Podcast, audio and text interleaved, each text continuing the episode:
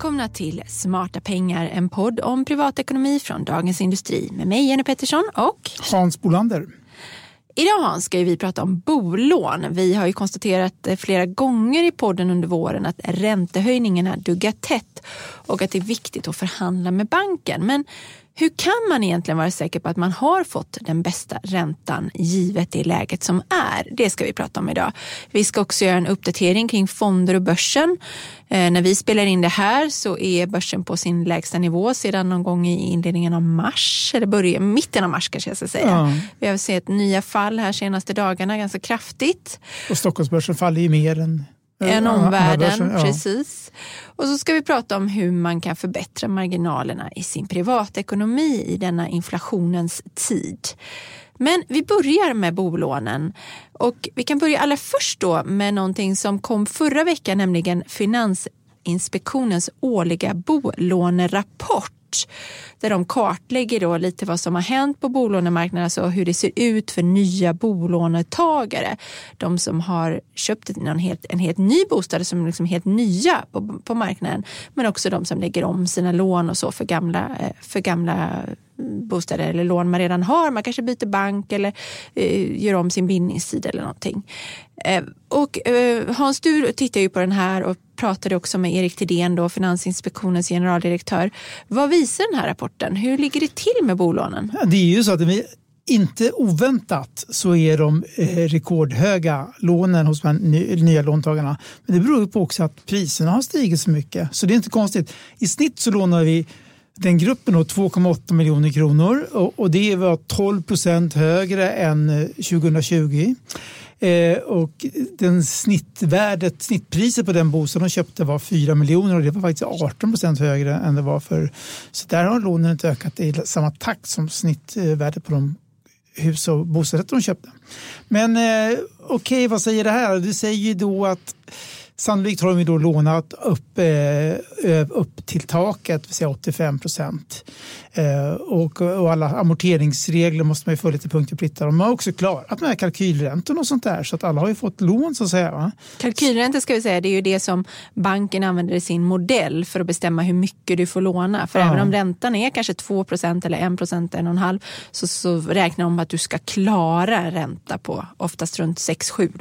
Precis, så det är en buffert. Man kan säga att FI då de var, Finansinspektionen de var inte bekymrade över att eh, jättemånga är superhögt belånade. Men de pekar ju på det att eh, det finns ju alltid en mindre grupp här som kan få det bekymmersamt när räntorna, om räntorna stiger och nu ser det verkligen ut som de gör det och andra kostnader och någon blir av med jobbet så här, då, då, jag, då det, därför är de oroliga och eh, vill verkligen påtala det här att eh, ja, det gäller att, och nu tror jag att, och så nu gjorde det som var lite, som jag tror skrämde upp lite grann var att de hade räknat på det. De sa, de var jättemånga med, det är ingen prognos, men vi räknar på vad händer om, om eh, bostadsräntorna går upp eh, eh, och fördubblas ungefär samtidigt som vi fort, har fortsatt höga energipriser och liknande och, och även då om folk börjar ändra tillbaka till att vara lite mer försiktiga vid hur mycket de köper för, då kan priserna gå ner ända ner till 30 procent. Men de hade ingen prognos. Utan, det var inget de såg som supersannolikt, men ändå, de vill ändå varna för det ja, här. Och att en, en 10 procent i priserna igång, det, tror jag, det har ju flera aktörer på marknaden, experter och sånt, sagt att det är inte alls orimligt att vi får något sånt. Och det skulle vara drivet egentligen bara av stigande räntor. Mm. Så att, um, vad tänker du när du såg det här? Ja, men jag alltså... tänker det, det kan ju spilla över då. Alltså, boendekostnader är ju någonting som man måste betala. Man har inte så mycket val. Man kan ju få göra uppehåll i amorteringar och sånt om man har speciella skäl som arbetslöshet eller sjukdom eller sådär. Ja. Uh, men annars är det ju någonting som man måste prioritera i sin ekonomi och då prioriterar man bort annat och det är Exakt. det som då kan få stora effekter för ekonomin som helhet. Om vi konsumerar mindre, vi går mindre på restaurang. Jag tror att vår kollega Nisse Åkesson som kommenterade kring det här skrev hur många take away latte behöver du egentligen? Ja, egentligen ja. behöver man ju noll. För man kan göra kaffe hemma och sådär. Utan det handlar ja. om bekvämlighet och sådär. Och det är ju allt sånt där då som folk kanske drar ner på eh, när boendekostnaden stiger väldigt kraftigt. Och då eh, går det sämre för restaurangerna och då säger de upp folk. Och då får, så det är ju sådana där liksom, Precis. Eh, ringar på vattnet, ringar på vattnet grejer som kan hända. Och nu ser det väl inte ut som att vi står precis vid någon sån risk nu. Men de finns ju helt klart i det här läget. Det finns de ju. Och man ser ju nu eh, hur eh, bankerna fortsätter att eh, successivt höja. De, framförallt då de bundna boräntorna har vi fått ytterligare några som har gjort här sista tiden. Och väldigt mycket tydligare signaler från, från Riksbanken om kommande höjningar. Och så. Ja, och då kommer den rörliga räntan stiga. Då kommer den, även den rörliga räntan att stiga. Men hur gör man då? då? Eh, jo, det var så här, Skandia kom faktiskt med pressmeddelande här i, idag om en undersökning som, som de har låtit göra. Den undersökningen visar att fyra av tio bolåntagare inte litar på att deras bank har gett dem bästa möjliga ränta. Och det ska man ju säga att ibland, ibland är det så att man frågar, som man frågar får man svar. Och det här svaret passar ju Skandia ganska bra för, för den här banken tillhör ju de som inte har en förhandlad ja, ränta utan de har liksom en trappstegsmodell där rabatten då utifrån liksom en utgångsränta då som har en listränta så bestäms din rabatt utifrån vad du har för belåningsgrad eller vilka andra åtaganden man har i banken och så. Så är det ju vissa banker som gör medan storbankerna fortfarande håller på med mer förhandlad ränta. Då. Precis, så det är klart att det passar dem att, att trycka på det här med transparens och sådana grejer. Då. Men, men om man liksom ändå tar sin utgångspunkt i den här frågan hur man vet att man får bästa möjliga ränta. Jag tänkte att vi skulle ta det där lite steg för steg vad som styr just den enskilda individens ränta. Eh, för först ska man ju komma ihåg att man skiljer på listräntor som också kallas annonserade räntor och genomsnittsräntor, alltså de faktiska räntorna som nya kunder eller kunder som binder om lånen ja, får. Det är de man ska jämföra sig med. Det är de man ska jämföra sig med och då, listräntorna är ju mycket, mycket högre än genomsnittsräntorna. Och det är ju där liksom det här förhandlingsutrymmet finns då. Och om man tittar, då, om man tittar på eh, listräntorna så i nuläget så tror jag att bland de större aktörerna då, som vi brukar titta på. Eh, vi brukar inte titta på de här nischbankerna som kanske lånar ut med blankolån, alltså de här Nej, eh, som har jättehöga räntor. Utan de mer klassiska bolåneinstituten då och även en del uppstickare inom den sektorn så ligger i nuläget då med listräntan eh, på rörliga lån Nordea högst på 2,5 procent. Och Skandia som då just nämnda Skandia kom faktiskt med sin fjärde boräntehöjning på bara en och en halv månad förra veckan. Vilket innebär att en, eh, ett lån som man binder på fem år har utgångsräntan då 3,85 procent. Mm. Eh, men det säger ju då alltså ganska lite om vad folk faktiskt har för räntor. För går man sen in och tittar på genomsnittsräntorna så ser man att de ligger då för rörliga lån eller tre månaders lån på mellan 1,1 och 1,5 procent ungefär. Och det är då en väsentlig skillnad från de här ja, 2,5 som Nordea har som annonserad ränta. Och femårs lån bundna på fem år, där tror jag att den högsta hade 2,5 procent, vilket ju också då visar på ett gap här. Mm. Och då snitträntor, då finns det ju de som har lägre räntor än snitträntan också naturligtvis. De här bästa vinnarna i prutracet. Vinnarna i prutracet. Och vad kännetecknar dem då? För jag tänker det allra första man ska göra det är ju att se till att man inte bara per automatik hamnar på den här listräntan. För det ska ju typ ingen Nej. göra. Men tyvärr finns det ganska många ja. som faktiskt sitter med den räntan och inte agerar, inte gör någonting. Så bara ett samtal till din bank kan ju göra att du sänker med, med ganska många punkter bara den räntan. Ja. Men sen handlar det ju om att ställa banker mot varandra och jämföra. Men, men just som du säger, det finns vissa vinnare och vissa som hamnar över genomsnittsräntan. Och, så man får ju också vara medveten om vilken typ av kund man är så att man inte går in i det här kanske med helt fel förväntningar också. Men man ska ju gå ut hårt såklart. Nej, man kanske inte är någon guldkund om man enbart har eh, gör av med pengar och inte sparar någonting alls till exempel. Då, I den banken? Nej, precis. i den banken. Då, eh, då, är de inte, kanske inte jätteintresserade av att behålla dig som kund. Även om nu ett stort lån tjänar de pengar på också naturligtvis. Att... Ja, man brukar säga att det beror bland annat på hur stort lån det är. Ja. Du kan ju liksom nästan få bättre villkor att du, om du lånar jättemycket för att då får de ändå, tjänar de ändå väldigt mycket för att det blir mycket ränta även om den är lite lägre. Sen är bostadens värde och läge. Du kan få bättre villkor i, för en attraktiv bostad i Stockholms innerstad än vad du får liksom Någonstans ja, i någon mindre landsbygdsort. Precis, det är kanske mer svårt att värdera eller man ser att eh, fallhöjden är större. Precis. Också hur hög belåningen är i förhållande till bostadens värde. Ja. Och där kan man ju titta på de här uppstickarna på marknaden som vi har, Stabel och Hypoteket till exempel. De ligger ju väldigt lågt i de här jämförelserna. Exakt. Jag Men... tittade på Stabel och de, de lånar ut max 60 procent, vilket man kan tycka är lågt, eh, av bostadens värde. Och då har de en fast ränta på en, i dagsläget rörlig 1,12 procent. Eh, de lånar inte ut till fritidshus till exempel. Så att eh, du måste vara skriven på den bostad du eh, Låna till? Ja, låna till. Så att, eh, redan där har man, då har man ju liksom ökat sin egen säkerhet jättemycket. Så att, eh, det är klart att då, då, då då kan man också erbjuda en låg ränta. Ja, så det är väl förklaringen. Jag tror att en annan sån här, om det var hypoteklån, hade en 75 eh, procent som var max eh, belåning och sådär. Så att, eh, ja. Så det ska man ju komma ihåg när man läser de här listorna att det finns ju ofta saker som ligger bakom som kanske förklarar ja. att ett institut ligger väldigt, väldigt lågt. Det är lite åt Ikea-hållet kan man säga, lånens Ikea. Enkl, enklare och billigare. ja, men eh, ändå inte till för eh, alla. Nej. Mm. Sen är det ju det här med att en del långivare tillämpar fasta rabatter medan hos andra så kan man då föra en liksom individuell förhandling och, och, det kan ju också variera då. Eh, men man ska komma ihåg att man, man har ju rätt att få en, en eh, förklaring, alltså en motivering till varför man har fått den ränta man har fått. Så att det ska inte vara godtyckligt utan det ska finnas väldigt tydliga kriterier hos banken varför man har fått den ränta man har fått. Och då blir det också kanske lite lättare att jämföra mellan banker också. Ja. Man säger, men den banken sa si så, aha, men varför, varför gör inte ni den bedömningen? Och, och så kan man ju ta med sig då i förhållande i, liksom, i eh, diskussionen med banken. En annan faktor som spelar in är ju hushållets inkomster. Vad både du och en eventuell partner har för lön, inkomst och sen även framtiden. Jag vet, jag har hört genom eh, vänner och så att lite olika, säg att du bara har kanske fem år kvar av arbetslivet ungefär Eh, eller ett par år rimligen. Det kan ju ingen veta. Jag kanske jobbar till jag blir till 87. men, men, men då har, då har mina vänner blivit lite olika bemötta hos olika banker. En del säger ja, det tar vi ingen hänsyn Du jobbar nu och har den här inkomsten. medan andra säger ja, men du ska snart gå i pension ser det ut som här. Eh, fast de inte har någon aning om det och, och, och, då får sämre villkor. Så att det, det är lite olika. Så bara det är ju ett gott skäl att söka lån hos flera banker faktiskt. Mm, för de kan resonera helt ja. olika.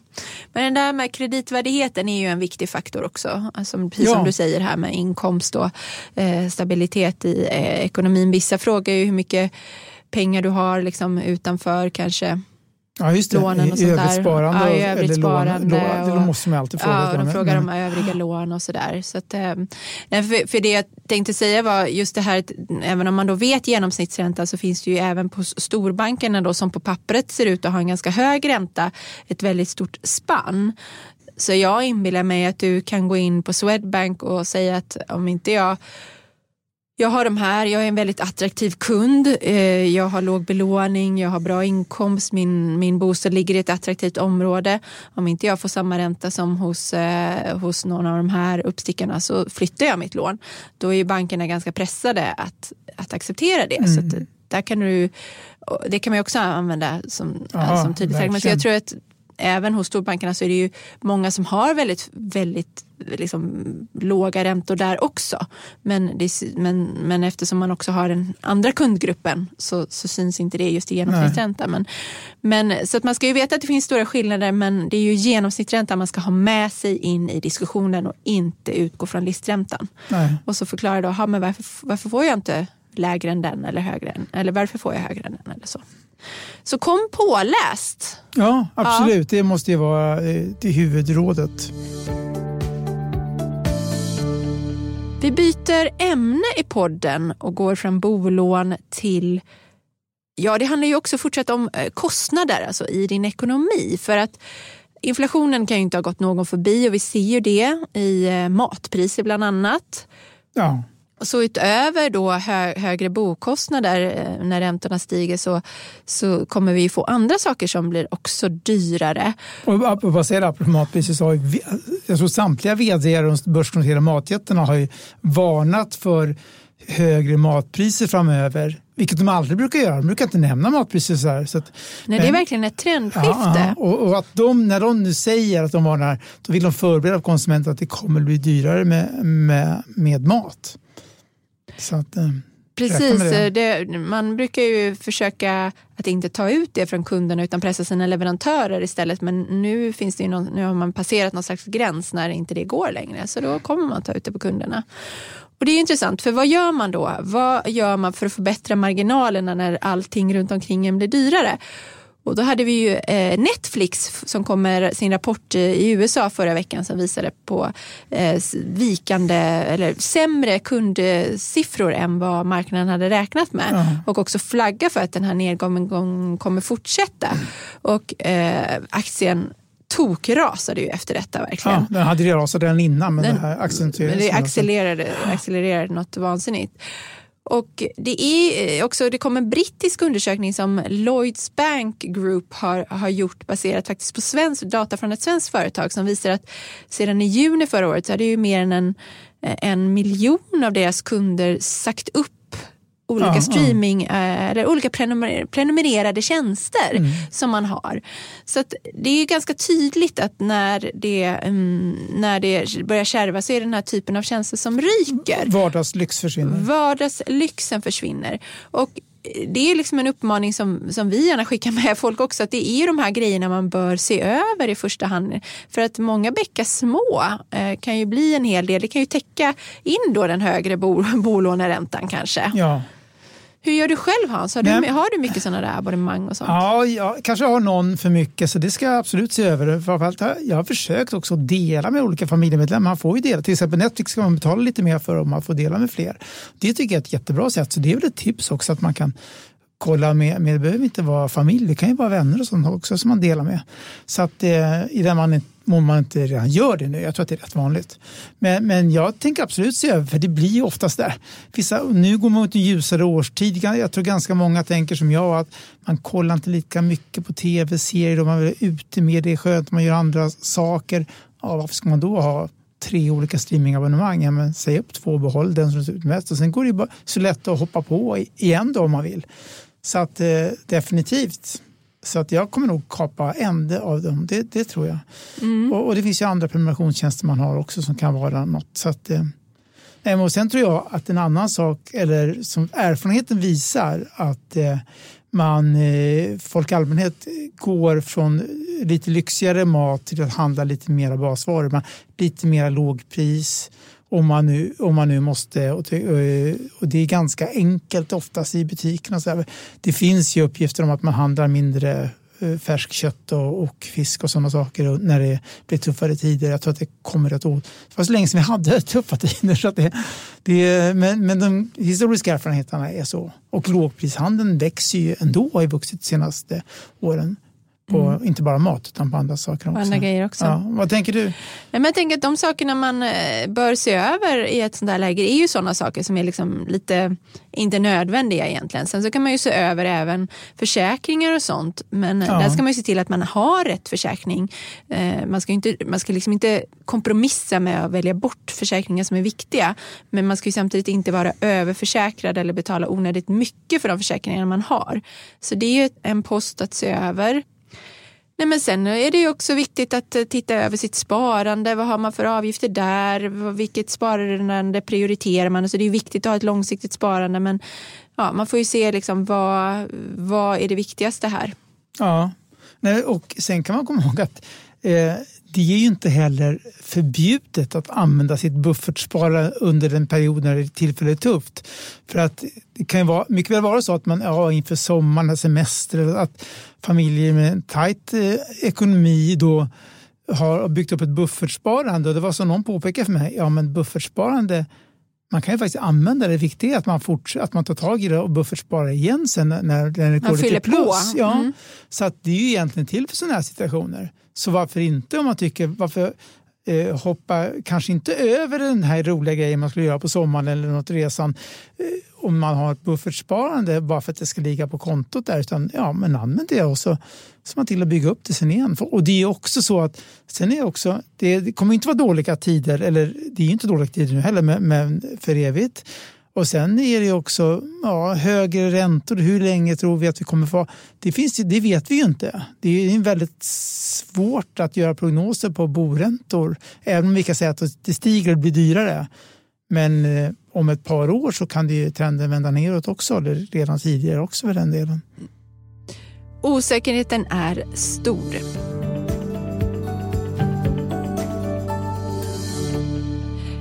Vi byter ämne ännu en gång till det här med börs som vi har varit inne lite på här, den skakiga börsen och så eh, och vad det innebär för vårt sparande. För trots då väldigt starka rapporter, vi är mitt i rapportperioden eh, för första kvartalet och där många bolag då har liksom överraskat, tagit analytikerna på sängen med väldigt stark orderingång och så, så har börsen backat en hel del igen de senaste veckorna. Och Det känns som det är liksom en ökad oro som sprider sig som har med Kina och ränteläget och så att göra. Ehm, och flera vd har också på de har tryckt på det jättestark orderingång men vi vet inte hur mycket eh, liksom med, med den här, vi har ju sett den här bristen på komponenter och så att man kanske då lägger sina ordrar lite tidigare än vad man hade tänkt därför att man vill säkra, vara säker på att man verkligen ska få de här sakerna om det nu blir fördröjningar i, i leveranskedjor och sådana här saker. Så jag menar på att det finns liksom ingen luft i systemet, inga så här fake-ordrar men, men ändå kanske att saker och ting har tidigare lagts lite då. Och det kommer ju kanske få, få effekt senare då. Så det är, väldigt, det är ett väldigt spänt läge, eller ett intressant läge eller osäkert läge eller hur man nu ska ja. beskriva det.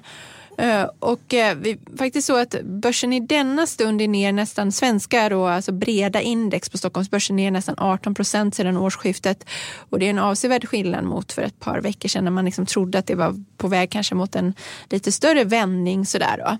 Men då är ju frågan, går det lika dåligt för allt på börsen eller finns det fonder som står emot den här turbulensen? Hur ser läget ut nu Hans? Ja, det gör det faktiskt. För att, eh fonder som står emot. Alltså det finns några som till exempel då, de, många har valt blandfonder för att sänka risken i sitt spar, långsiktiga sparande och det brukar vara ungefär hälften hälften räntor och, och aktier. Och de här har då enligt skolboken väldigt många har backat ungefär med halva det halva Stockholmsbörsens fall, det vill säga ligger back på en, ja, allt från 6 till 8-9 procent. Men Eh, så de har ju klarat sig bättre då givet. Eh, men, men intressant är nog faktiskt att eh, men då har, ju, då har ju potentialen inte lika stor när det vänder upp igen. Men globalfonder, de har också backat med 7 procent, ungefär hälften av 7-8 procent. Som ändå då är rena aktiefonder. Och det är rena aktiefonder. Mm. Så, att, eh, så det visar sig risk risken av, det är vikten av riskspridning. För sen när det vänder upp igen den dagen det gör det så kommer vi naturligtvis att få mycket bättre utväxling i en globalfond än i en blandfond. Mm. Så att, eh, Men visst är det så att det finns en så här, för att Stockholmsbörsen har ju gått sämre än de flesta andra börser. Ja, ja. Det är en av de allra sämsta i år globalt, alltså sett i världen. Men riktigt så dålig är den inte om man liksom tittar på hur eh, hur globalfonderna har gått kontra svenska aktiefonder då. Utan det finns en annan faktor här, eller hur? Ja, exakt. Faktor X. Det, och det, är ju det finns alltid en faktor X.